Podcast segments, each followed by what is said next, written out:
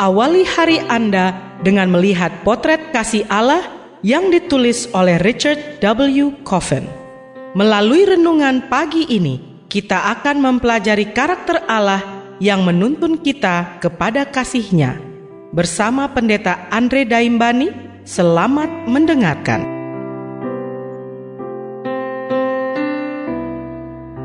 Shalom, selamat pagi saudaraku. Renungan pagi kita hari ini 18 Agustus berjudul Keluarga Yesus datang menjemputnya. Ayat intinya diambil dari Markus 3 ayat 21. Demikian firman Tuhan. Waktu kaum keluarganya mendengar hal itu, mereka datang hendak mengambil dia, sebab kata mereka, ia tidak waras lagi Mari kita dengarkan penjelasannya. Yesus menghadapi banyak perlawanan selama beberapa tahun pelayanannya di masyarakat. Dilihat dari beberapa sudut, hal ini bukanlah yang mengejutkan, karena masyarakat Timur Dekat kuno adalah masyarakat yang penuh pertentangan. Karena harta, kehormatan, dan uang dipandang sebagai hal yang langka Orang-orang timur dekat kuno, terutama kaum prianya, selalu berada dalam kondisi berkompetisi satu sama lain. Para pria yang memiliki kehormatan setara merasa wajib untuk mempertahankan kehormatan itu. Cara pandang orang lain terhadap mereka dengan resiko apa pun dan upaya itu harus dilakukan di hadapan umum. Para pria di dalam masyarakat ini bertentangan satu sama lain dengan cara apa yang disebut oleh sosiolog tantangan dan balasan, pertempuran kata-kata. Demikian panasnya suasana yang meliputi dunia di mana Yesus hidup.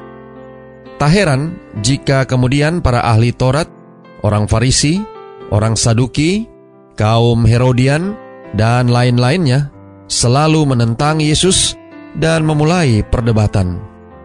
Malangnya bagi mereka, balasan atau jawaban Yesus selalu sangat kuat, sehingga ia pada akhirnya yang meraih reputasi, sementara penantangnya kehilangan hormat dan mendapat malu. Namun yang mengagetkan adalah keluarga dekat Yesus justru mencoba mempermalukan dia karena tindakan Yesus dianggap mengurangi kehormatan mereka nama baik mereka. Ketika ia mengajar orang banyak, kaum keluarganya datang hendak mengambil dia, sebab kata mereka, ia tidak waras lagi. Dan sesungguhnya, siapakah keluarga dekatnya itu? Markus 3 ayat 31 memberitahu kita, ibu dan saudara-saudara Yesus. Juga di tengah orang banyak itu terdapat para ahli Taurat dari Yerusalem yang menuduh Yesus telah dirasuki setan. Ia kerasukan Belzebul, dan dengan penghulu setan, ia mengusir setan. Dicatat dalam ayat yang ke-22. Nama Belzebul mempunyai sejarah yang panjang.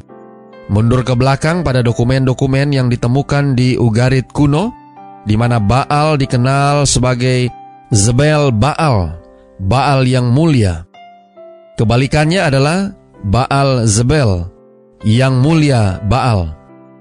Di zaman Perjanjian Baru, istilah itu menjadi padanan kata untuk iblis. Saudara-saudara yang kekasih di dalam Tuhan, balasan Yesus kepada para ahli Taurat menunjukkan betapa tidak logisnya bagi iblis untuk mengusir dirinya sendiri. Dan tanggapannya untuk kaum keluarganya adalah dengan menetapkan bahwa ibu dan saudaranya yang sejati adalah barang siapa melakukan kehendak Allah. Dicatat dalam ayat yang ke-35. Hari ini, adakah kita menghormati atau mempermalukan dia? Doa kita hari ini. Bapa terima kasih. Melalui renungan pagi ini, kami boleh mendapatkan satu pelajaran yang penting. Bagaimana kami dapat melihat pelayanan Yesus sewaktu berada di dunia. Terima kasih melalui pelajaran ini kami diingatkan tentang suasana dan keadaan saat Yesus melayani di dunia ini. Tolong kami hari ini Bapa, biarlah dengan pertolongan kuasa roh kudusmu, kami boleh dapat mengambil pelajaran yang bermanfaat untuk boleh dapat meningkatkan iman dan kerohanian kami, belajar dari dialog Yesus dengan orang-orang Farisi, orang Saduki, kaum Herodian, dan orang-orang lain yang hidup pada zaman Yesus. Terima kasih Bapa. Inilah doa dan permohonan kami kepadamu. Semoga Tuhan senantiasa memberkati kita sekalian sepanjang hari ini saat kita melakukan aktivitas kita masing-masing.